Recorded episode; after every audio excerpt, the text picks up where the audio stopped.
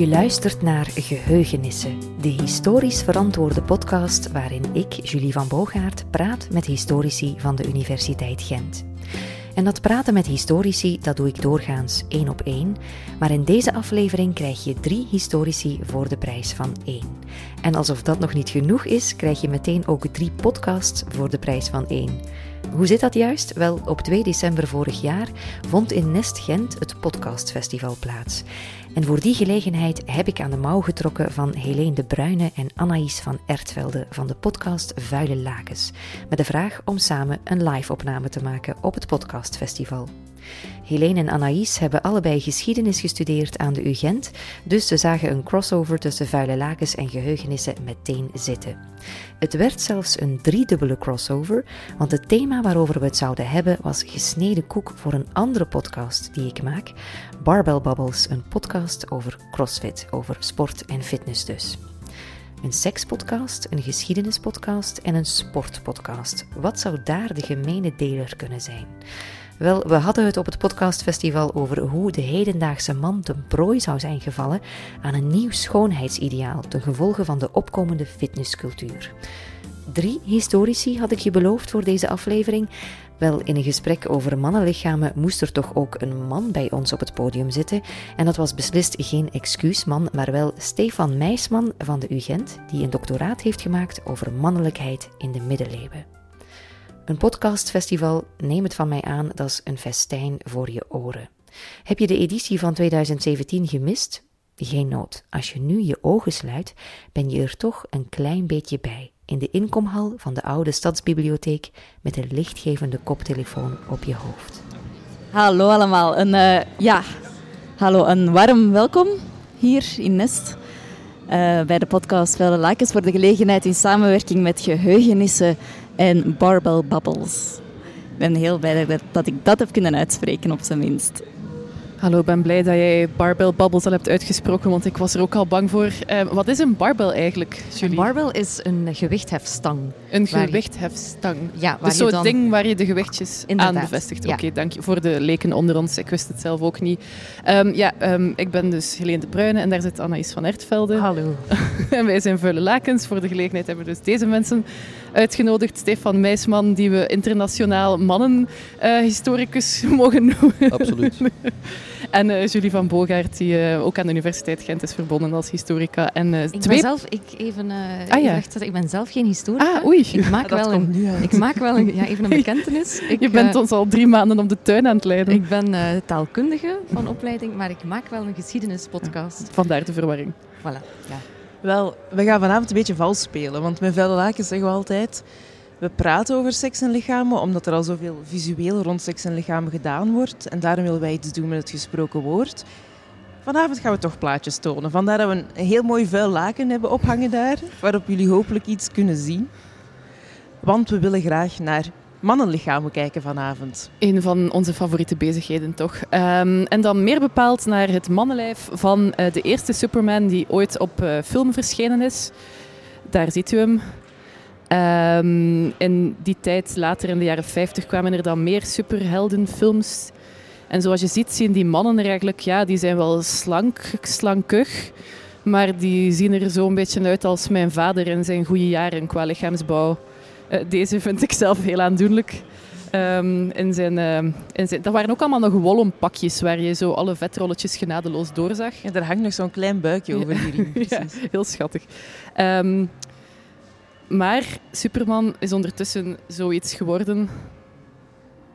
En ja, Wolverine is zelfs de laatste tien jaar in, van een zeer gespierde man naar een soort, uh, ja, hoe moeten we het beschrijven? Ripped to shreds. ja, zoiets. Hij staat, hij staat heel droog. Veranderd. En ik, ik liet jullie dit zien om, om aan te tonen dat uh, de druk op uh, mannenlichamen en de schoonheidsidealen voor mannen in de laatste decennia toch wel echt veranderd is. We horen heel vaak over hoe vrouwen aan allerlei... Um, belachelijke, onhaalbare schoonheidsnormen moeten voldoen. Maar mannen moeten er tegenwoordig toch ook wel een beetje in geloven. Er is steeds minder diversiteit in de mannenlichamen die uh, superhelden spelen, bijvoorbeeld. In de mannenlichamen in reclames. En uh, ja, ik denk dat iedereen hier dat wel kan beamen, dat, uh, dat er iets aan het veranderen is wat dat betreft. Ja, gespierd is toch meer en meer de norm, denk ik. Mm -hmm. um, ja, ik herinner me zelfs een, een heel aantal jaar geleden toen ik ehm, een loopwedstrijd liep. En er was één heel erg gespierde man bij. Eh, en dat viel echt op van... Wauw, die is echt... eh, Je bent er zo lyrisch over. ja, ja. Terwijl, eh, en, en er was toen ook een Amerikaanse vriendin van mij bij. En die zei, oh, oh honey, in the States, you see that all the time. en dat is eigenlijk, dat lijkt nu, dat ideaalbeeld lijkt toch meer overgewaaid te zijn naar hier ook, heb ik het gevoel. Ja, ik, ik, ik ga zelf soms naar de fitness al waar ik op zo'n dom toestel sta. Ehm, terwijl ik naar podcast luister, trouwens, altijd een aanrader. En daar zijn toch zo steeds meer jonge mannen ook die eh, echt aan, aan gewichten en zo aan het tillen, aan het tillen zijn. Ehm, en, en voor dit land heb ik geen cijfers gevonden, maar in de Verenigde Staten wel zijn er onderzoekers aan de Universiteit van Oxford die hebben vastgesteld dat eh, in, tussen 2010 en 2016 er een soort eh, een, een explosie is van mannen die met allerlei eetstoornissen worden opgenomen plots. Die, ehm, ja, of het nu anorexia is of een soort orthorexia, constant een eten monitoren of een absurde focus op spiermassa, komt steeds meer voor bij mannen. Dus dat wijst er toch wel op dat ze aan het bezwijken zijn voor een maatschappelijke druk die er vroeger misschien minder was. Ja, al die onheilstijdingen te spijt, uh, wou ik toch eens dan... Uh, ja, met, wat, ik weet niet, Helene, of je dan die mannen alles hebt aangesproken in de fitness? Heb je al eens met hen gepraat over waarom ze dat doen en uh, uh, nee, wat dat hun dat zou ik zijn? eigenlijk eens, eens moeten doen. Maar het is niet, nu inderdaad klinkt het als zo van, oh nee, de fitness maakt de jeugd kapot en jongens kijken alleen nog maar in de spiegel en gaan allemaal in, in klinieken eindigen met eetstoornissen. Maar het is gewoon, terwijl sporten ook gewoon leuk en gezond kan zijn natuurlijk. Maar er is een soort nieuwe cultus van het mannenlichaam. En wat ik wou zeggen was, uh, ja, ik heb wel uh, zulke mannen dan eens aangesproken, want uh, ik, ik, ken dat, niet misschien dat soort mannen dat jij in de gewone traditionele fitness ziet vrij goed, maar ik ben zelf al een vijftal jaar een vrij fervent crossfitter en ik maak dus ook een podcast over crossfit. En wat is dat, crossfit? Want ik heb eigenlijk nog altijd geen wel, idee na drie maanden. Ze heeft, ze heeft het al twee keer uitgelegd. Maar... dat blijft eigenlijk een moeilijke vraag om te beantwoorden.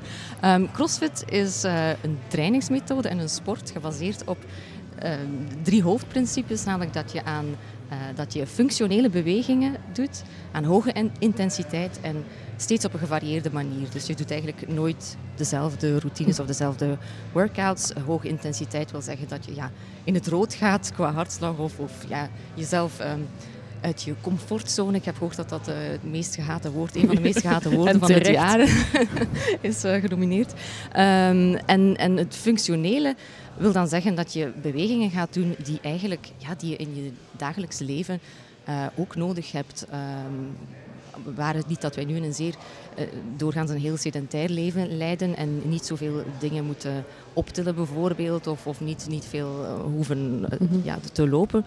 Maar waar je dan in een, een gewone ja, commerciële fitness ziet dat mensen op allerlei rare toestellen zitten en vreemde bewegingen maken. Ja, als je daar lang naar kijkt, wordt het wel heel komisch en absurd. Ja, een soort ja. metafoor voor de 21ste eeuw of zo. Maar uh, wat. Dat is een tegenstelling tot die meer kunstmatige bewegingen die, die eigenlijk isolerend vaak gaan werken, die één bepaalde spiergroep of één bepaalde spier er gaan uithalen en, en, en die herhaaldelijk gaan doen bewegen, ga je met functionele bewegingen uh, heel je lichaam laten samenwerken, al die spieren laten samenwerken om bijvoorbeeld een gewicht op te tillen. Ja, ik heb daar zo beelden van, uh, van op het internet van mensen die zo door de bossen gaan crossen met boomstammen en oergeluiden slaken. Klopt dat een dat, beetje? Dat, met, is, uh, dat is het eigenlijk niet. Doorgaans vindt het plaats in een, um, men noemt het een, een box en geen gym of, uh, sportschool. Omdat het meestal zo, ja, in, een oude, in een vroegere fabriek of in een uh, oude garage, het, is zo'n beetje, het heeft zoiets uh, ja, ruwers. Um, en het soort van bewegingen die je dan doet, het zijn eigenlijk ja, gymnastiekbewegingen, zoals je optrekken aan een rek of in de ringen, allerlei dingen doen. gewichthefbewegingen, dus olympisch gewichtheffen, clean and jerk en snatch uh, powerlifting bewegingen, uh, allerlei andere ja, zware zo, dingen. Dat, dat, behoeft al wat toelichting. een kleine demonstratie misschien. Ja, dat is wel het moment, ja. Maar zou je zeggen dat het dan minder de bedoeling is om, om, om dat perfecte lijf te krijgen dat je zo uh, ja. mee kan pronken in een t-shirt en gewoon om de ja, beweging eigenlijk te doen? Het, het hoofddoel is om om beter te leren bewegen en, en het lichaam sterker te maken en functioneler, functioneler en performanter te maken. Ehm, want het, het achterliggende idee is uh, het idee van uh, general physical preparedness. Dus preparedness je, voor wat? Voor de nakende oorlog? Wel, dat kan gaan van, ja, dat, dat, kan, dat kan gaan van extreme ja, rampen. Of, uh, er, zit ook, er, zit ook, ja, er zijn ook wel linken met, met ja, hoe militairen en, en politieagenten getraind moeten zijn en voorbereid zijn op, uh, op onverwachte uh, ja, Is de stichter van de CrossFit-beweging ook trouwens geen ex-militair of ex-politieman? Hij, heeft, hij is trainer geweest voor de police department in, in ergens in Californië. Dus daar zijn zeker en vast er zijn, wel verbanden mee. Dus net zoals ja, een militair of een politieagent of een brandweerman voorbereid moet zijn op het ergste, moet je eigenlijk ook in je leven. Uh, Oei, nu voel ik me heel onvoorbereid voor alle dus rampen. voordat je denkt dat het, dat het gaat om zo van die survivalists of zo, die, die je klaar zo. Maar, maar om het, uh, dat kan gaan van, ja, je mist de bus of je, bent, je staat op het punt je trein te missen en je moet een spurtje trekken en je moet dan... Uh, je loopt naar huis. Eigenlijk, of nu, om, om, een voorbeeld te nemen uit mijn eigen leven gegrepen. Ehm, bij ons op het werk, Stefan, ik kan het beamen, hebben wij zo een subwell systeem voor het water. En ik, de meeste mensen vinden dat vreselijk als dat leeg is en ze moeten daar dan een nieuwe container op zetten. En dan doe jij dat voor mij, is dat, voor mij is dat feest. En ik ben blij dat ik dan nog eens een beetje kan bewegen. Dat ik eens, uh, dat ding, ik clean dat ding gewoon. En ik, dus dat, ik ruk dat met een agressieve beweging van de grond en ik zet dat erop. Terwijl dan soms... Uh, een, een, een nieuwe, uh, nieuwe doctoraatstudent of zo dan binnenkomt van ah, kun je mij eens helpen daarmee en dan uh, Stefan kijkt uh. ja als ongetrainde mannelijke bureaugenoot sta ik dan huilend toe te kijken en dan druip ik af ja. Um, maar om, om ons duidelijk te maken dat de crossfitters geen rare mannen zijn die zich in bossen verschansen zich klaarmakend voor, de, voor het einde van de wereld ben je er met een paar gaan praten misschien moet er dus eentje laten horen ja um, de eerste die ik wil laten horen dat is Kevin Segers die is coach bij CrossFit Gent. Um, en die is ook met CrossFit-wedstrijden bezig, want je kan er ook competitief in uh, aan sport doen. Um, en het interessante daaraan is dat Kevin eigenlijk voorheen gewone fitness en eigenlijk bodybuilding gedaan heeft. Hij had eigenlijk ambitie om uh, aan bodybuilding-wedstrijden mee te doen. Dus hij kan eigenlijk wel heel goed die twee uh, werelden tegenover elkaar zetten. Ja, ik zal het even aanzeggen. Ook voor de luisteraars is heel mooi op de achtergrond van het interview. Hoort u een soort... Um, het is opgenomen in de box. Er zijn en, uh, allerlei mannen geluiden aan het uitstoten. Dus um, je krijgt een beetje een idee van de sfeer daar. Um, wacht hoor, play. Ik heb niet alleen nog nooit met een PowerPoint gewerkt, maar ook nog nooit met iTunes. Als je bodybuilding doet, dan denk je echt aan hoe dat je lichaam eruit ziet. Maar zij de deels bezig met wat je kunt, omdat er zo wat ja, een beetje macho-oefeningen bestaan in de wereld. Zoals bijvoorbeeld benchpress of zo. dat, zijn, dat, dat, zijn de, allez, dat is een oefening dat iedereen veel gewicht op wil kunnen doen.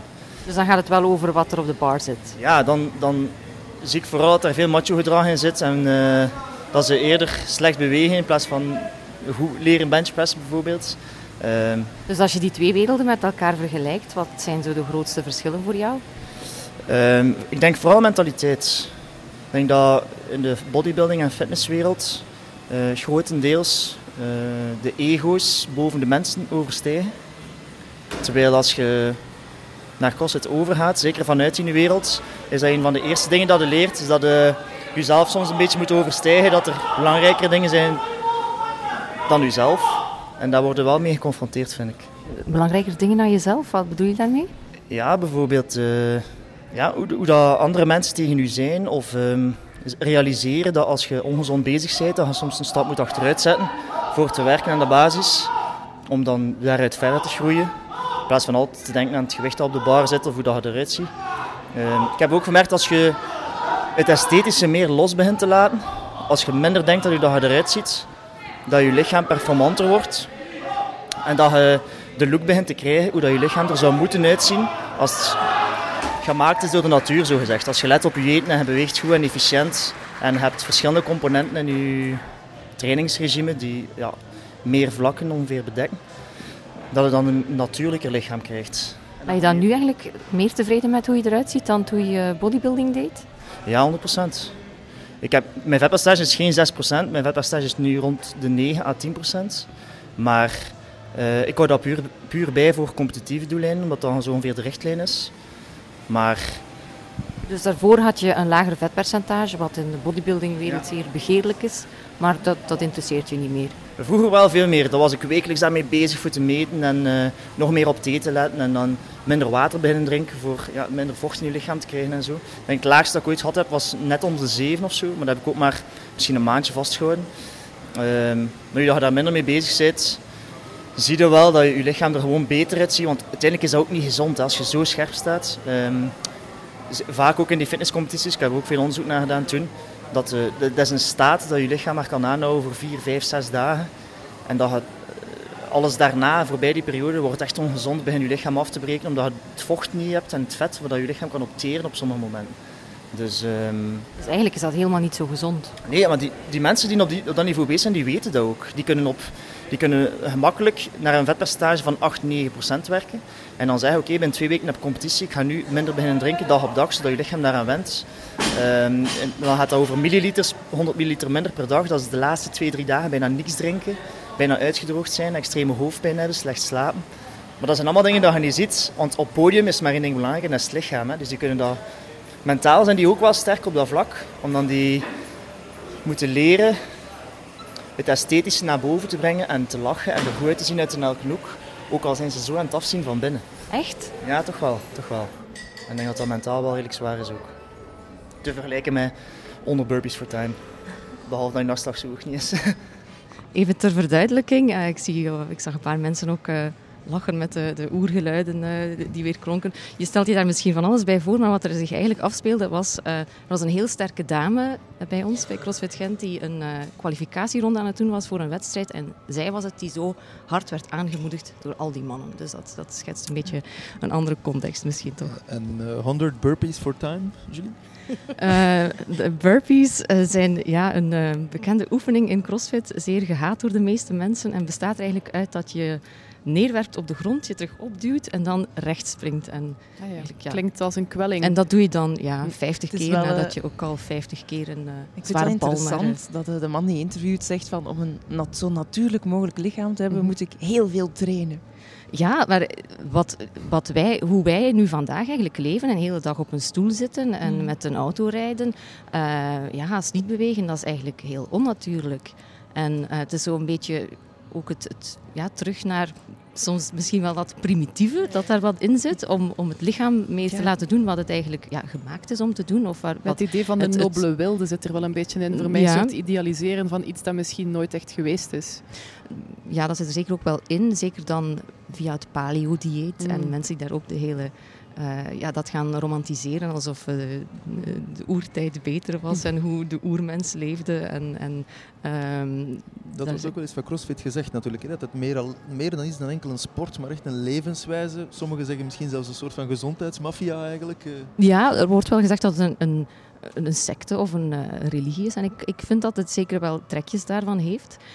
Um, ik denk dat om te beginnen dat, ja, dat communitygevoel, uh, dat gevoel ergens bij te horen, uh, dat dat ook al een, een, functie is van religie die CrossFit nu en, en, misschien ook andere, andere ja, sportbelevingen en andere verenigingen hebben overgenomen. Um, en dit geeft inderdaad wel een een soort van manier van leven weer. Hoe je, hoe je moet eten, um, um, hoe je ja, je dagelijks leven moet inrichten. En er komt ook wel een, een, een hele ideologie ook met mee. Uh, dus het, het, het, komt uit de Verenigde Staten. Het is opgericht door um, Greg Glassman, dus die man over wie we het daarnet al hadden, die uh, eigenlijk een ex-gymnast is en uh, ook coach bij de politie is geweest.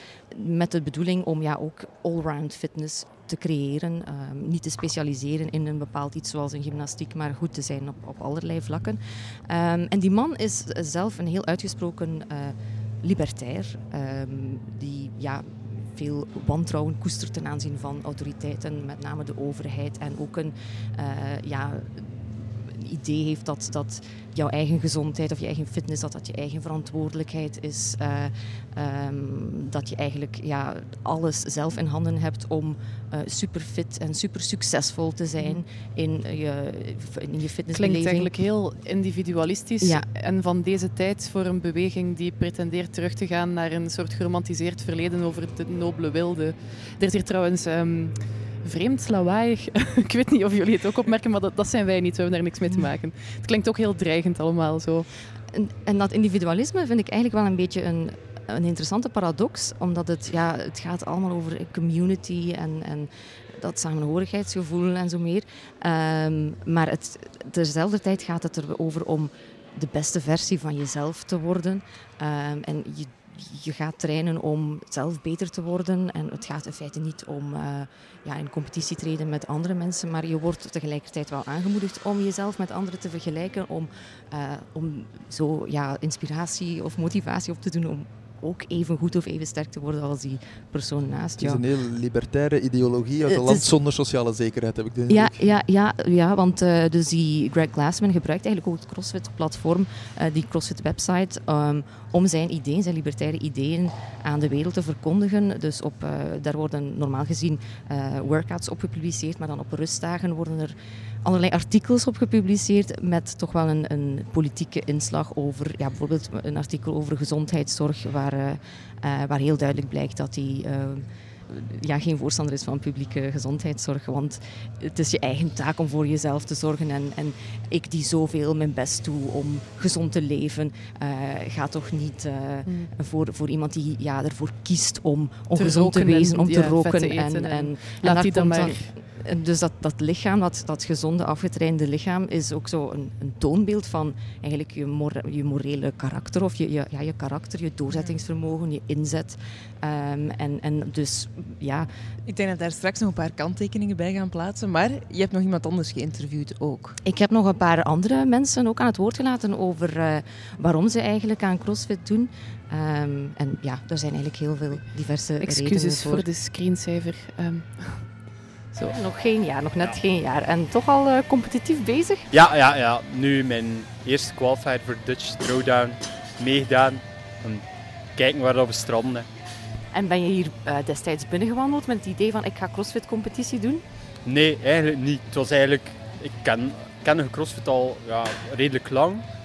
Maar ik had nooit een stap durven zetten om crossfit te beginnen doen. Zo, altijd zo denken van ja, ga ik dat wel kunnen? En, en dan januari de stap gemaakt om dat En wat stel je je voor dat je hier zou vinden? Wat voor mensen dacht je hier aan te treffen? Goh, ja, ik weet niet. Vooral veel socialere mensen dan dat ik bijvoorbeeld in de fitness... Omdat ik vroeger altijd fitness deed. En fitness is een wereld eigenlijk ja, meestal ieder voor zich. En als ik hier binnenkwam, was dat eigenlijk direct ja, een klas van 15, een hele groep en aanmoedigen. En ja, eigenlijk veel socialer dan een gewone fitness. En dat is hetgeen dat ook veel wijzer maakt dan eigenlijk altijd alleen te gaan trainen. En wat was in het begin jouw bedoeling? Wat, waarom kwam je hier? Ja, fitter worden. Eigenlijk ja, vooral fitter worden, sterker worden. Ja. Er beter uitzien, was dat er ook bij? Wel, ik wou vooral ja, ook vermageren. Want toen ik begon, woog ik redelijk veel. Uh, ik wou eigenlijk gewoon vermageren, fitter worden. Maar niet om te zeggen dat ik peet wou worden of zo. Dat, dat was eigenlijk niet mijn bedoeling. En nu, nu dat je competitief bezig bent, wat is nu jouw bedoeling? Ja, om competitief verder te gaan voor ja, proberen... Om te winnen? om te winnen, ja. Voor competities te proberen te winnen. Ja. En nu dat uh, gewicht verliezen of, of er strakker uitzien of zo, speelt dat nog mee? Eigenlijk niet zo. Nu is het eigenlijk de bedoeling van goed op mijn eten letten. Gewoon blijven trainen, like dat ik bezig ben. Je bent tevreden met hoe je eruit ziet? Ja, ik ben eigenlijk vrij content, ja. ja ten eerste ja, gewoon uw conditie onderhouden. Ook het uh, sociaal contact. Dat zijn de twee voornaamste dingen, denk ik. En vind je het ook belangrijk dat je daardoor er op een bepaalde manier gaat uitzien? Dat je er uh, gespierd uitziet daardoor? Oh, dat was, dat was vroeger wel het geval, ja, dat klopt. Maar... Toen je ermee begon? Um, wel, toen ik begon, deed ik dat thuis. Uh, fitnessen vooral, wegteffen en zo. Dat was een met die, dat hij gedacht, maar dat was eigenlijk rap veranderd toen als ik hier begon. Ja, waarop ligt dan nu de nadruk meer? Echt sterk worden, dus zonder er echt sterk uit te zien. Dat zijn mogen meegenomen, maar dat is de bedoeling niet. En um, conditioneel zijn, dat is uh, nu het doel. Ik zou niet zeggen dat dat mijn doelstelling is om, om uh, gespierd te zijn, maar dat is natuurlijk wel mooi meegenomen om, wat, uh, om, om er wat gespierder uit te zien. Ik doe dat gewoon graag. Het is een beetje ja, een, um, een uitlaatklep, zal ik maar zeggen. Ja, op uiterlijk train ik niet zo echt gericht, maar ik merk wel een beetje dat, dat ik wel uh, spieren, gespierder word door, uh, door gewoon crossfit te trainen. Ben je nu gespierder dan toen je fitness deed? Maar ik deed fitness ook zo high intensity en ehm, een beetje van alles. Toen zou ik wel een keer zo bicep curls doen of zo, maar uh, nu doe ik dat eigenlijk meer functioneel gericht, meer op kracht eigenlijk. En, ja. Dus als je zou kunnen kiezen tussen een sixpack om u tegen te zeggen of een nieuw clean and jerk PR om u tegen te zeggen, wat zou je dan kiezen? Ja, momenteel zou ik wel voor de PR gaan, denk ik. Ja. Geen doel. Nee, niets. Er was geen doel voor ogen. Nee, gewoon sportief bezig zijn. Niet om er uh, gespierder uit te zien, bijvoorbeeld? Nee, nee, volledig niet. Nee. Dat komt vanzelf. Hè. De, de, de, de uit, het uitzicht komt vanzelf. Hè. Ben je veranderd lichamelijk? Ik denk het wel, ja. Toch wel. Ja. Meer gespierd geworden? Ja, toch wel. En vind je dat een fijn uh, bijproduct? dat is mooi meegenomen altijd, hè? Maar je blijkt er precies niet echt veel bij stil te staan. Nee, nee zeker niet. Waarom doe je eigenlijk aan CrossFit? Dat is eigenlijk door mijn vrouw. Mijn vrouw die initieert al die dingen, die wil van alles gaan doen. En daar, daarom ben ik daarmee begonnen. En waarom ga je ermee door? Het is niet alleen de workouts dat voor mij ehm, heel leuk is, maar het is ook het sociale gebeuren er rondom. vind ik uh, heel leuk. Het is um, andere mensen leren kennen, nieuwe mensen leren kennen. Um, wij wonen nu vijf jaar, zes jaar in Gent en zo begint je wat meer volk te leren kennen. En dan het uh, fysieke aspect ook, het gezondere, het gezonde leven. Um, ik ben ondertussen ook 10 kilo afgevallen, dus uh, allee, ja, dat getuigt dat dat toch wat brengt, denk ik. Dus uh, ja, je wordt er gezonder van en je gaat er ook beter door uitzien. Dus het, het, het esthetische speelt ook een rol dan. Ik denk dat wel, ja als mensen rondom u zeggen van amai, je ziet er toch een pak scherper uit, dat doet ook iets met een mens, denk ik. Dus uh, ja, dat is wel leuk. Een leuke bijkomstigheid vooral. Maar dat is niet het hoofddoel dan? Nee, absoluut niet. Nee. Zo. Um, kan onze expert mannelijkheid misschien iets zeggen over um, de kracht en, en de, de, ja, gewoon hoe dat sterk zijn gelieerd is aan het be traditionele beeld van mannelijkheid? Want daar hebben ze het wel de hele tijd over. Als ze het niet voor een uiterlijk doen, lijkt dat wel belangrijk te zijn.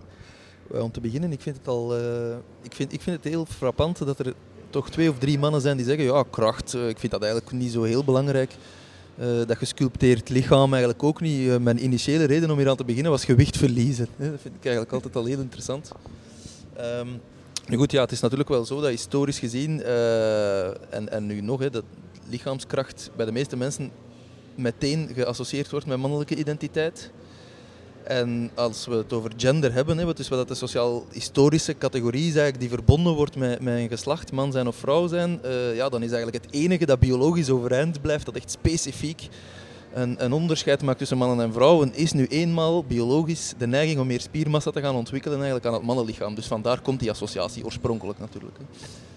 En denk je dan dat het misschien, ik ben nu maar aan het freewheelen hoor, dat in tijden dat mannelijkheid niet meer zo belangrijk is dat de, vader, de man niet meer de pater familias en de kostwinner is, dat dat wel iets is waarin ze zich wel nog kunnen onderscheiden, omdat dat verschil er nu eenmaal is. Ja, ik, ik geloof dat er wel wat onderzoek gedaan is, ook voor, de, voor, de, voor onze huidige samenleving. Hè, en dat inderdaad wel beweerd wordt. Nu, dat is natuurlijk zo'n beetje een factoid. Dat wordt aangehaald als iets, uh, als een verklaringsgrond. Maar, en dat is dus inderdaad dat wanneer men bijvoorbeeld naar de lagere sociaal-economische klasse gaat kijken, waarbij de man het sowieso moeilijker heeft om zich echt als de broodwinner te gaan opwerpen binnen een gezin, dat dan sport bijvoorbeeld inderdaad een manier kan zijn uh, om zich toch als, uh, ja, als een echte man te gaan onderscheiden, zogezegd. Ja. Nu moet ik wel zeggen dat CrossFit wel meer een middenklasse sport is. Of een, een, ja, wordt wel eens gezegd, zeker in de VS, dat het redelijk elitair is. Je ziet daar bijvoorbeeld geen, of heel weinig zwarte atleten ook op de CrossFit Games. Want je hebt ook de. Ja, maar het zal wel een middenklasse zijn die gestudeerd heeft. Geen, ik denk dat het dan meer om. Een goede middenklasse, die dat, want een, een CrossFit-abonnement is wel duurder dan een Basic Fit-abonnement. Vandaar dat men zich ook misschien wel een beetje afzet hè, tegen heel die fitnesscultuur, tegen die bodybuilding-cultuur, die misschien wel eerder geassocieerd wordt met, met iets onder de Daar middenklasse. Daar wordt zeker wel wat, wat smalend over gedaan je hoorde de, de, de term bicep curls daarnet vallen. Er zat ook iemand die net de montage niet gehaald heeft, die daar peesontsteking had van gekregen. Dus dat is een, een typische oefening. Dus het, het, ja, het optillen van de arm met de gewicht. Iets, ja, een zeer onfunctionele oefening, want dat is ja, enkel die biceps dan isoleren. Um, en en dat, daar wordt, zo ja, wordt mee gelachen om, om, omdat dat heel de bodybuildingwereld eigenlijk in het belachelijke trekt en die manier van trainen. We hebben al veel gehoord over gezondheid ook in de verschillende stukjes. En dat stelt natuurlijk een beetje de vraag: wat doe je als je al niet zo gezond bent als man? Wat doe je als je bijvoorbeeld een handicap hebt? Hoe zijn sport, mannelijkheid en handicap met elkaar verbonden? En ik doe zelf onderzoek naar handicap in de jaren 70 en 80. En daar vind je van die interessante adviesboekjes voor mensen die een handicap hebben gekregen door een ongeluk bijvoorbeeld. En vrouwen krijgen in die boekjes de raad van op hun uiterlijk te letten. Van zich niet te laten gaan, van zich toch nog mooie kleren aan te doen, van zich te schminken, want dat gaat ervoor zorgen dat ze zich goed in hun vel voelen. Mannen krijgen een helemaal andere goede raad. Mannen krijgen de goede raad om zeker aan sport te gaan doen. Dat gaat ervoor zorgen dat ze zich toch mannelijk blijven voelen en goed in hun vel.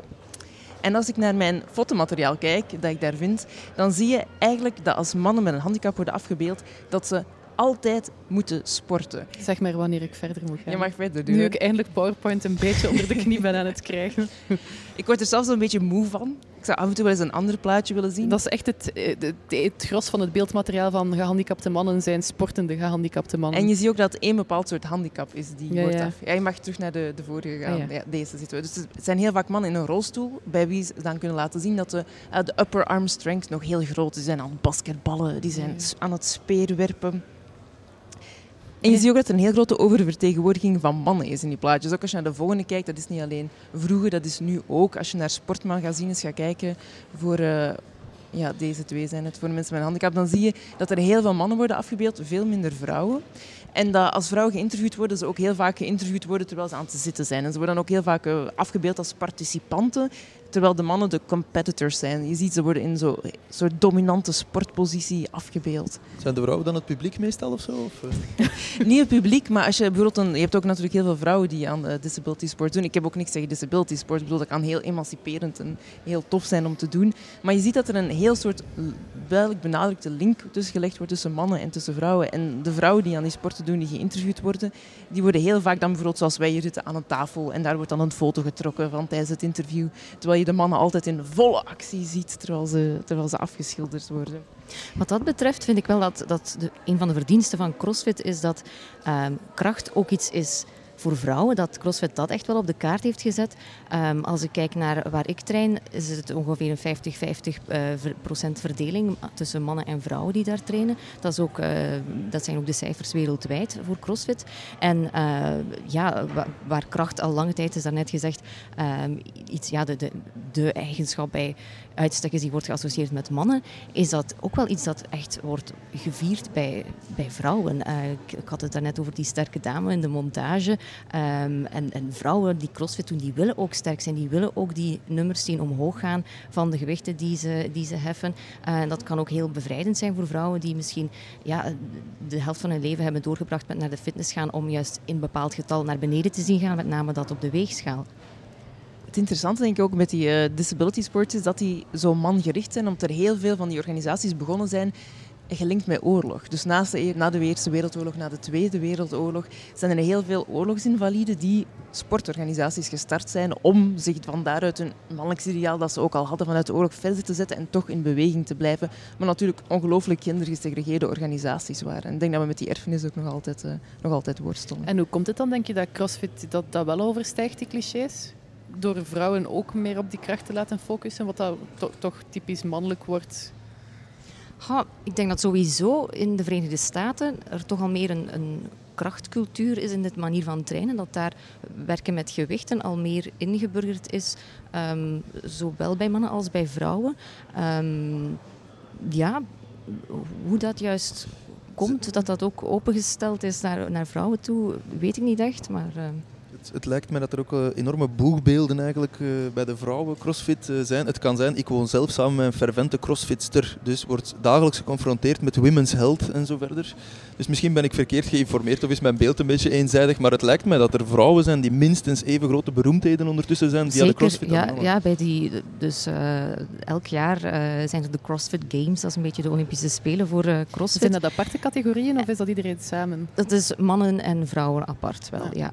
Het biologische verschil wordt wel erkend en, en de vrouwen krijgen dan eh, als voorgeschreven gewicht wel iets minder Mhm. gewicht eh, te doen. Maar die, die eh, crossfit-atleten, ook die vrouwelijke atleten, die zijn, ja, dat zijn beroemdheden binnen dat, binnen dat milieu. En op Instagram worden die gevolgd en, en zo meer. En dat zijn Ja. rolmodellen ook voor vrouwelijke crossfitsters. Ik denk dat het is natuurlijk een beetje kort door de bocht wat ik nu ga zeggen, maar Als je naar uh, handicap gaat kijken en naar mannelijkheid, zie je dat uh, handicap soms een soort antithese van mannelijkheid bijna wordt gezien. Terwijl mannelijkheid in de heel klassieke uh, definitie van de voorbije decennia gezien wordt als autonomie, als de dingen zelf kunnen doen, als niet afhankelijk zijn van iemand, als kracht ook, wordt handicap net als het tegenovergestelde daarvan geframed. Namelijk afhankelijk zijn van andere mensen, het niet zelf kunnen doen, niet krachtig zijn. Waardoor denk ik die link met mannelijkheid heel ster sterk is in disability sports. Net omdat het een soort manier wordt, als naar voren is, een soort manier om jezelf te disciplineren en die machteloosheid te kunnen overwinnen. Ik wil ook nog uh, even terugkomen op, op heel dat politieke aspect van CrossFit. Um, dat die sport echt wordt door de bedenker dan wordt ingezet in een heel uh, individualistisch discours. Um, terwijl Anaïs bestudeert uh, tegenwoordig communistische regimes. En... van vele markten thuis.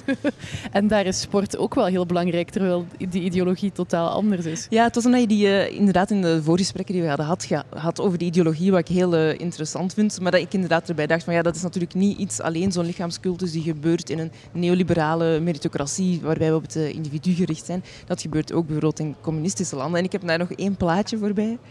Het volgende, nog het volgende. Wacht hoor, ja, ja. Dit is, uh, dit is er eentje.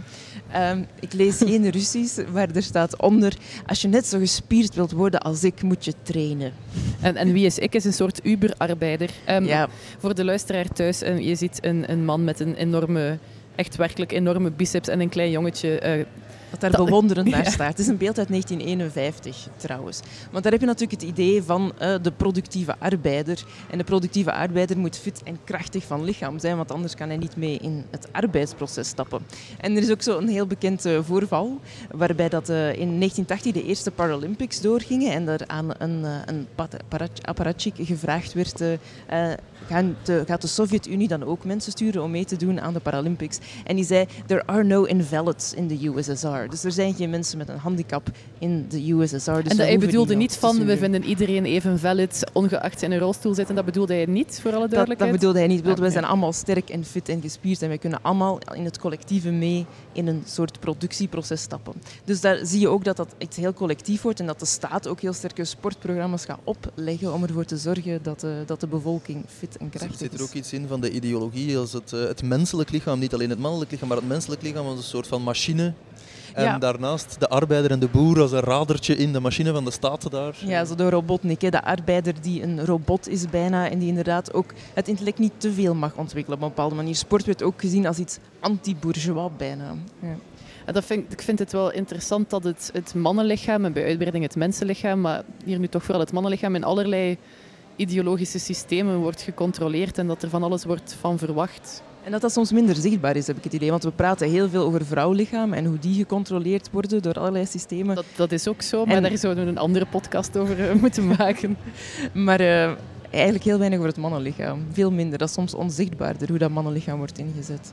Wat ik ook wel interessant vind, is hoewel de twee ideologieën heel erg tegengesteld zijn, dat er in allebei wel een heel sterk patriotisch aspect ook zit. En dat is bij CrossFit eigenlijk ook wel zo. En dat sluipt zelfs ook in, uh, binnen in Europese boksen die helemaal niks hebben met bijvoorbeeld Memorial Day, uh, die in de Verenigde Staten uh, elke laatste maandag van de maand mei wordt gevierd en waarop gesneuvelde militairen worden geëerd en herdacht. En het is, ja, CrossFit is een beetje zoals een religie, dus het is een soort van feestdag op de kalender van CrossFit, want op die dag wordt er altijd een zogeheten hero workout gedaan.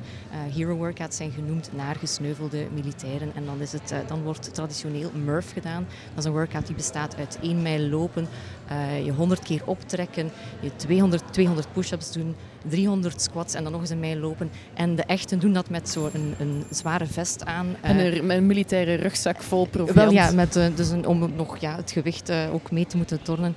Uh, dus dan ga je jezelf eigenlijk onderwerpen aan zo'n brutaliteiten op die, op, op die Ik vraag me eigenlijk af hoe dat voelt voor, voor jou, want jij doet het heel graag en ik kan me voorstellen dat die bewegingen ook heel prettig zijn, maar hoe voelt het dan om mee te doen aan, aan zo'n ik, heb wel, uh, ik ben wel heel kritisch tegenover hetgeen er dan met, met meeglipt. En ik merk ook dat mensen eh, daar soms een beetje door geïndoctrineerd geraken. En ook dat als levensvisie uh, gaan hanteren. Het is heel makkelijk om te zien van oké, ik kom hier in, in, in die box en, en ik volg die trainingen en ik heb vooruitgang, ik bereik succes. dat ligt blijkbaar allemaal in mijn eigen handen en die dan meteen die lijn doortrekken naar alles in hun leven en, en naar andere mensen toe ook. Um, en dat vind ik soms wel een beetje verontrustend. Um, mm -hmm. Maar ik denk niet dat heel veel mensen daarbij stilstaan. Ja, dat collectieve aspect zit nog altijd in sport. Het social bonding aspect is ook een paar keer genoemd. En ik heb om daarover te praten ook nog een paar foto's mee. Dus je mag de volgende nog eens laten zien. Want sport gaat niet alleen over hoe mannen eruit zien of wat aan hun lichaam kan, maar natuurlijk ook over hoe mannen met elkaar bonden. En ik heb, uh, het is een heel interessant boek, dat heet Picturing Men. En dat het gaat over de Amerikaanse context wel. Dat de foto's uh, over mannen en ook specifiek over mannenvriendschappen doorheen de voorbije eeuw laat zien. En één hoofdstuk daarvan gaat over sport en over hoe sportteams zich laten zien. En hier zien we er eentje, ja, laat deze nog maar even staan. Hier zien we er eentje die van, ik geloof dat deze is eind 19e eeuw. En wat, wat, zijn dat doedelzakken die aan hun voeten liggen? Of, uh... ik zie niet van. Ik denk dat het baseballbeds zijn die aan hun voeten liggen. Ja, ja. En dit is zo'n hele reeks van die foto's. Ik had er nog veel meer mee kunnen brengen. Ik vind ze heel mooi, waarbij je ziet dat die mannen ontzettend dicht op elkaar altijd staan. Ja, die als je dat nu zou doen op, in een sportclub, zou je al verweten worden dat je homo bent en zou niemand nog naast je durven douchen, denk ik. Cristiano Ronaldo misschien. Ja, het, uh, het idee is dat uh, voordat homoseksualiteit echt opkwam of bekend was als een identiteit in de jaren 50 en 60, dat mannen veel minder op hun hoede waren om als homoseksueel gepercipieerd te worden. Dus een veel grotere lichamelijkheid en een veel grotere intimiteit met elkaar konden hebben. Dat gebeurde heel vaak in zulke sportgroepen. Ook omdat de gemeenschap gewoon veel meer op seks gesegregeerd was. Dus wou je ergens affectiviteit halen, dan moest dat misschien wel bij andere mannen gebeuren. Nu gebeurt dat veel, veel vaker bij de partner. Toen gebeurde dat vaak in mannelijke groepen onderling. Um, ik heb een stapje vooruit. Ah, ja. Hier zitten we na de Tweede Wereldoorlog. Het is allemaal zo flink ver van elkaar plots. Ja, en er zit op, opeens allemaal een stukje. Het is nog altijd wel echt een team dat je ziet. Er is weinig onderlinge... Hele korte broekjes ook, valt mij op. Dat valt jou weer op, natuurlijk. uh... Ik vind dat de korte broekjes moeten terug. Ik vind dat eigenlijk ook. Laten we daar in CrossFit is dat een heel groot verschil. Die mannen hebben oh, allemaal zo'n baggy, lange We zijn mannenlichamen aan het objectiveren. En die vrouwen hebben zo'n Dat mogen we niet doen. Interventie. Interventie. En dan heb ik er eentje ingeplakt die helemaal niks, niet in het boek staat. Niet van Picturing Man. Maar ik heb er eentje van de Rode Duivels ingeplakt. Omdat ik dacht... Het contrast, ik zal dus nog eens... Uh, het yeah. contrast is groot tussen waar we vertrokken zijn hier en waar dat deze echt als individuen, stoere mannen poserend. Dat is natuurlijk waarom dat wij nooit een groot toernooi gaan winnen. Hè. Ze moeten meer aan male bonding doen en uh, over elkaar buitelen in de kleedkamer. En kortere broekjes aandoen. Om te beginnen, hè. Ja. Maar ik denk dat het ook belangrijk is dat we nog een beetje verder gaan terugkijken in de tijd, want we blijven nu hangen rond de 20e eeuw. En we hebben speciaal Stefan naar hier gehaald, die heel veel weet over de middeleeuwen. En ik heb mij laten vertellen ook iets over de klassieke oudheid te vertellen? Of is dat een leugen? Wel ja, uh, mijn, mijn, eigen onderzoek is uiteraard uh, eigenlijk gender in de middeleeuwse periode. Ik heb dus uh, specifiek zelfs een studie gemaakt eigenlijk enkel naar mannelijkheid en het mannenlichaam in de middeleeuwse periode, god betert. en ik heb daarbij gefocust... Vertel ons alles. Ja, ja het, het interessante is natuurlijk dat mannelijk lichaam uiteraard ook in die periode wel belangrijk was. Men had daar wel aandacht voor, om esthetische redenen ook, gezondheidsredenen, een medische interesse bijvoorbeeld, hoe het lichaam ineenstak. Uh, maar vooral, en, en dat leunt mooi aan wat we hier vandaag over CrossFit ook al gehoord hebben, men geloofde eigenlijk dat het lichaam vooral een reflectie was van iemand zijn persoonlijkheid. Hè? Iemand zijn karakter eigenlijk. Hè? En uh, dus ja, dat is eigenlijk de dag van vandaag gewoon niet verdwenen. Hè. Dus bijvoorbeeld die neoliberale self-improvement cultuur in, uh, in de crossfit, dat is eigenlijk gewoon net hetzelfde. Hè.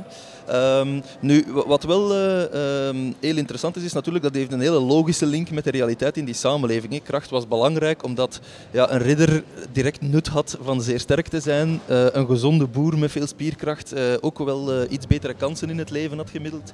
Dus dat is helemaal logisch. en we hebben bijvoorbeeld ook in de bronnen hele mooie voorbeelden van mannen die die uh, om een of andere reden falen om hun spierkracht in te zetten en die dan weggezet worden als helemaal voor te verwachten natuurlijk zwakke vrouwen of zwakke kinderen bijvoorbeeld. Dus uh, het is zeker belangrijk. Maar wat interessant is, is dat minder dat gesculpteerd extreem mannenlichaam belangrijk was. Men had er eigenlijk niet zoveel aandacht voor. Wel het gelaat van de man, het gezicht. En eigenlijk zowel bij mannen als bij vrouwen, maar toch ook echt heel, heel duidelijk bij dus mannen. geen uitbundige beschrijvingen van bicepsen die speren werpen Dat en vond je zo? niet je bronnen. Ja, genoeg. nee, nee. eh, nu, eh, ja, ik heb natuurlijk, ik ben, ik ben historicus, hè, dus ik heb eh, zelf veel minder beeldhouwwerken of kunstwerken of zo verder eh, bestudeerd. Dus vooral tekstmateriaal, wat de meeste mensen misschien een beetje saai vinden. Eh, maar eh, ja, ik denk dat iedereen dat wel weet, hè, dat er een enorme switch geweest is van de klassieke kunst van het antieke Rome, het antieke Griekenland, dat iedereen kent. Hè, dus enorm gespierde mannen, zo letterlijk en figuurlijk bijna. Eh, tegenover in de middeleeuwen ja, is dat eigenlijk compleet verdwenen. Hè. Ook in de beeldcultuur bijvoorbeeld. Eh, opnieuw gelinkt aan een sociale realiteit. Men wist eigenlijk nauwelijks hoe dat de buurman eruit zag, want ze waren constant bedekt. Hè. Dat is echt zo, mannen en vrouwen. Eh, en dan, eh, ik heb daar ook misschien wel wat prentjes van mee. Ik weet niet of dat ze eh, op de Ja. USB staat. Dus Ja. hier hebben we zo'n typisch prentje van hoe dat middeleeuwse mannen. En hier hebben we de keizer Frederik Barbarossa. Dus een extreem belangrijk man. En- Smalle schoudertjes wel. zeer smalle, zeer smalle schoudertjes, ondanks dat. En ik heb het fragmentje dat eigenlijk deze, de- deze, deze afbeelding begeleidt, eh, is, is gekopieerd. Hè. En dus men gaat door en door over wat een ongelooflijk gelaat dat hij had. Mooi haar, delicate lipjes, een niet te grote mond, zeer helder en vrolijk, sneeuwwitte tanden, wat eigenlijk niet, dat zal zeker niet waar geweest zijn in de middeleeuwen. Eh, een melkkleurige huid, maar dan toch ook vrij brede schouders, Helene, Ah, eh, ja, zegt de commentator bij deze eh, afbeelding. Een sterke bouw en stevige dijen en fenomenale kuiten had hij blijkbaar ook. Dus dat is ook wel interessant. Dus, dus bij de keizer werd het dan wel beschreven. Ja, bij de keizer wordt het beschreven, maar men had veel meer aandacht hoe zijn gelaat er eigenlijk uitzag.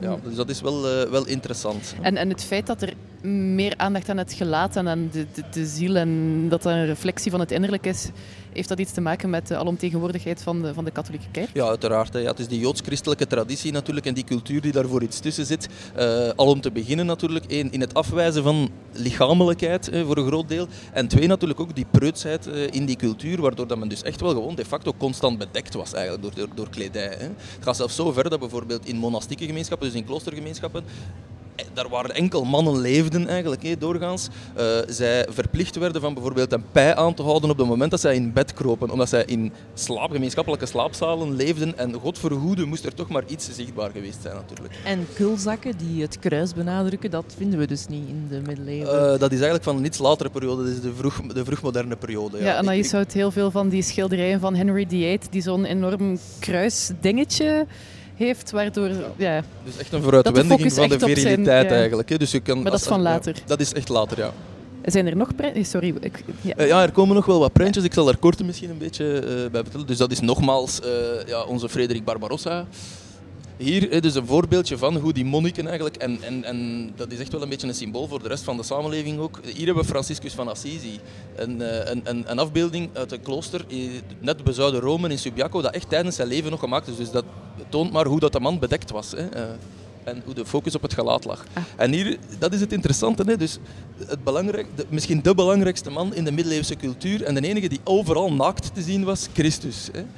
Dus hier is een echte middeleeuwse Christus, der- rond 1300. Mhm. Heel mager, hè? uitgemergeld. Men noemt dat ook eens de Dolorosus, dus de, de droevige Christus eigenlijk. Hè? Ja, hier, hier wordt hij gedoopt, dus ook opnieuw zeer mager, eh, Mhm. eh, dus afgebeeld. En Ja, als je we ziet de ribbetjes Dat zelfs. is al een beetje te ver, daar gaan we dan naar Ah, de ja. castraties. eh, Ah ja, maar dat is voor straks. De castraties krijgen jullie dus straks. als jullie nog eentje terug wil gaan Ja, rijden, voilà. dit is- is dus een, een, een Christus die echt een atletisch figuur is. En wat is dat? Dit is een Christus uit, eh, van eh Buonarroti, Michelangelo, en, ehm, die dus echt eh, uit de renaissance komt. Dus men herontdekte die klassieke cultuur en ineens mocht Christus terug ook een ongelooflijke spiermassa hebben, blijkbaar. En ineens was het mannenlijf weer ja, belangrijker. Ja, of die Christus aan crossfit, dat kan ook. Ik heb eh, die plaatjes van die castraties nu gezien. Nu wil ik er wel meer over weten. Ja, dat is, eh, het is nu niet zo dat dat echt heel vaak werd afgebeeld, eh, castraties, maar dit is dus een, ehm, een, ehm, een glasraam uit een Engelse kerk waarbij een castratie uit de 13e eeuw, als ik me niet vergis, ehm, of uit de laat 12e eeuw wordt afgebeeld. Hè. Het- Eh, even, waarom werd de man gecastreerd? de man werd gecastreerd omdat hij een schuld niet afbetaald had. Oei. Ja. Dus je had geen eh, zedendelict? Nee, nee, nee. Dat dus dat was, met seks nee, te maken? Dus, dus fysieke straffen, omdat het lichaam zo belangrijk was in de middeleeuwen. Men zag het niet, maar het was belangrijk. En eh, vooral omdat het dus geassocieerd werd. En dan eh, maken we de link met de disability studies. Ehm, handicaps waren zeer problematisch. Hè. Een, een oorlogswond kon nog als een soort van medaille van, van, van moed eigenlijk bij- door mannen eh, ehm, eh, ja, gedragen worden, zou men kunnen zeggen. Maar ehm, eh, dus eh, handicaps van bij de geboorte, of zeker handicaps die toegebracht waren door, door een straf, waren zeer problematisch. Hè. En ehm, dus eh, wat dat we dan zien is dat in het strafrecht net zeer veel lijfstraffen natuurlijk voorkomen, omdat eh, het gewicht van dat soort straffen enorm eh, zwaar was. Hè. En dus eh, castratie kwam voor, maar ook bijvoorbeeld het amputeren van handen en voeten of oren en, en neuzen. Typisch ook straffen aan het, eh, dus waarbij men ingreep op het gelaat, omdat dat constant zichtbaar was natuurlijk. Ja. En dit is dus in een glasraam te zien? Ja, het is een, het is in een glasraam, omdat ehm, de Je man... moet, wel, je moet wel goed zoeken om de testikels te zien, vind ik. Ja, ja, ze zitten goed verstoken. Maar we wouden natuurlijk die vrome gelovigen ook niet al te duidelijke genitaliën in hun eh, gezicht duwen, denk Ze ik. zouden maar eens op ideeën moeten komen, Inderdaad. natuurlijk. Maar dit is dus eh, eigenlijk een glasraam in een, in een Engelse kerk. Ehm, omdat nadat de man gecastreerd was, en ik geloof dat ook zijn tong afgesneden was, eh, omdat hij zijn schuld niet terugbetaald heeft, is, het, ehm, eh, is dan gebleken dat hij uiteindelijk toch zijn schuld wel betaald had. En dat eh, dus ehm, hij ten onrechte, ten onrechte eh, dus verminkt was geweest. En dan heeft God zogezegd ingegrepen en heeft men eigenlijk alles hersteld. Dus Dat inclusief mirakel. zijn genitaliën die teruggegroeiden, zijn tong die plots teruggegroeide. En dus het is een enorm mirakel eigenlijk. Ja. Ja, leunt dat ook aan bij het idee dat er in de hemel geen mensen met een handicap of ziekte zullen zijn? Dat, dat we allemaal met een perfect lijf naar eh, de wederopstanding ja, gaan? dat leunt daarmee aan. Ik heb daar zelf ook ooit eens een hoofdstuk eh, in, mijn, eh, in, mijn, mijn proefschrift eh, over geschreven. Dus daar ging men vanuit dat iedereen terug in de volle glorie ging hersteld worden wanneer men eigenlijk verrees eh, ja, in de hemel. En dat ging me dus heel ver. Er zijn theologische debatten die dan inderdaad gaan. Hè, wat gebeurt er dan met misdadigers? Eh, die dan toch na een boete in het vagevuur bijvoorbeeld in de hemel geraken, maar die hier op aarde al een ledemaat kwijtgeraakt waren bijvoorbeeld. Hè. Wel ja, dat groeide dus terug aan hè, op de momenten dat men dus eigenlijk in de hemel eh, geraakt. Ja.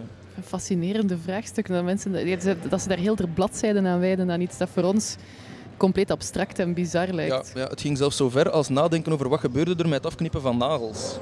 Haar, dat werd afgeknipt bijvoorbeeld en zo verder. En wat gebeurde er met de gekrompen penissen? Want je vertelde dat dat eigenlijk een, een teken van nobel karakter was. We moeten misschien eerst eens uitleggen hoe het zat met die gekrompen Ja, penis. ja, dat is wel eh, een, een leuke vondst geweest eigenlijk. Hè. Dus in een van die middeleeuwse monastieke bronnen. Ik heb zo'n aantal voorbeelden gevonden. Hij gaat het dus over eh, monniken. En hier zitten we dus echt dus op die link tussen ehm, het lichaam gezien als een soort van vooruitwendiging van het karakter en van de staat van de ziel. Dus een soort van affiche van uw ziel eigenlijk. Eh, en dus een, een, een vondst van een monnik die, waarvan geweten was dat hij in zijn jeugd van alles had uitgestoken. Hij had er een minnares op nagehouden, hij had kinderen gemaakt, eh, maar dan plots toch het licht gezien. En dan ingetreden in een zeer streng klooster. Ehm, en dus bij zijn dood, en herinner u, hè, hij heeft, eh, ze zijn constant bedekt tijdens hun leven, dus er werd altijd van alles ontdekt op het moment dat men het lichaam bij de dood ontkleedde, het waste om het te gaan begraven. En wat ontdekte men bij deze man? Dat hij kennelijk zijn genitaliën meer leken op die van een zevenjarig kind, zo staat geschreven in zijn biografie, dan op die van een echte man. En er zijn zo nog een aantal andere voorbeelden waarbij er niet alleen zevenjarige genitaliën eh, te vinden waren, maar gewoon niets meer. Die dus zogezegd unigen plots geworden waren. En dat was positief. En dat was in dit geval heel raar. Eh, dus in die streng monastieke context iets positiefs. Hè? Dus een vooruitwendiging van zijn maagdelijkheid, of zelfs eigenlijk een soort van herstelde maagdelijkheid. Eigenlijk, ja. Context is alles. Context is absoluut alles. ja. Dat is misschien de conclusie waar we naartoe aan het werken zijn wat betreft mannenlichamen. Context is alles. Ja, ja, ja. ja. Eh, het, het interessante is natuurlijk dat, eh, omdat we nu natuurlijk ook over crossfit en sportcultuur en estheet, mannelijke esthetiek bezig zijn, is dat we natuurlijk eh, over ehm, echte ehm, doelbewust streven naar mannelijke schoonheid in de middeleeuwen eigenlijk nauwelijks iets weten. Dus we weten niets bijna over sportcultuur. We kennen een aantal afbeeldingen van wat balsporten. Hier en daar wordt er ook een keer iets in de bronnen over gezegd, maar het wordt vooral geassocieerd met kinderen eigenlijk. Of met zo het, volkse, het volkse vermaak, maar voor de rest weten we daar eigenlijk gewoon niets over. En die ridders, waren dat dan niet een beetje de crossfit-atleten van hun tijd? Wel, dat, dat kan men dus inderdaad wel zeggen. Dus, ehm, een soort van middeleeuwse sport zou men kunnen zeggen, was dus die toernooicultuur. Hè. Die ging niet alleen over elkaar doodslagen of echt vechten, maar dus ook echt een hele duidelijke fysiek-sportieve component.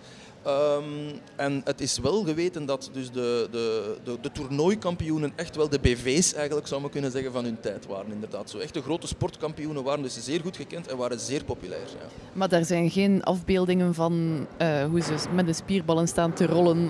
Wel, met één voet op de overwinnaar of zo, dat is er niet. Nee, er zijn afbeeldingen van, maar dus eh, nooit. eh, dus men, dus men, beelde, men beelde hen af, gezeten op een paard in een harnas, volledig bekleed, zoals ik dus al zei. Maar hij was eigenlijk constant bedekt. Eh, ja. Heb je nog plaatjes van balsporten? Eh, ik heb geen, nee, geen plaatjes van balsport. Lekker, lekker Anaïs. het, het was een lange dag vandaag. Misschien moeten we afsluiten, want ik denk dat het bijna tijd is. Er wordt hier druk met allerlei dozen gesleept En op de ik hoor tafels die Er versleept knikken worden. mensen Zaten we terwijl dit zeggen. Van ja, afronden, programma. afronden. Ja, oké. ja, er wordt dat. Eh, hebben we eigenlijk een conclusie? Of een concluderende gedachte? Ik Kijk meteen naar de historicus. Ik vond context is alles eh, zeer, een zeer mooie conclusie eigenlijk. Eh, En ja. ook ehm, als man, als je bezig bent met je lichaam, is misschien de boodschap die ik nog zou willen meegeven. Denk er eens, zoek eens bij jezelf waarom dat je het doet en waardoor dat je beïnvloed bent in naar welk soort lichaam dat je streeft. En aan Helene maak eens een praatje met die mannen in de krachthonk. En Zal ik hen, wie zijn jullie? Wat drijft jullie? Zal ik zeker Waarom doen. doen jullie wat jullie doen? En waarom hebben jullie zo'n lange broekjes aan? Daar, daar sluit op af. Dat is eigenlijk indirect nog een boodschap aan de Rode Duivels dan. Ook. Dan zou ik zeggen, dit was Vuile Lakens. Met geheugenissen en barbell bubbles. En met als eh, gast-MC Stefan Heel graag gedaan. Heel graag gedaan.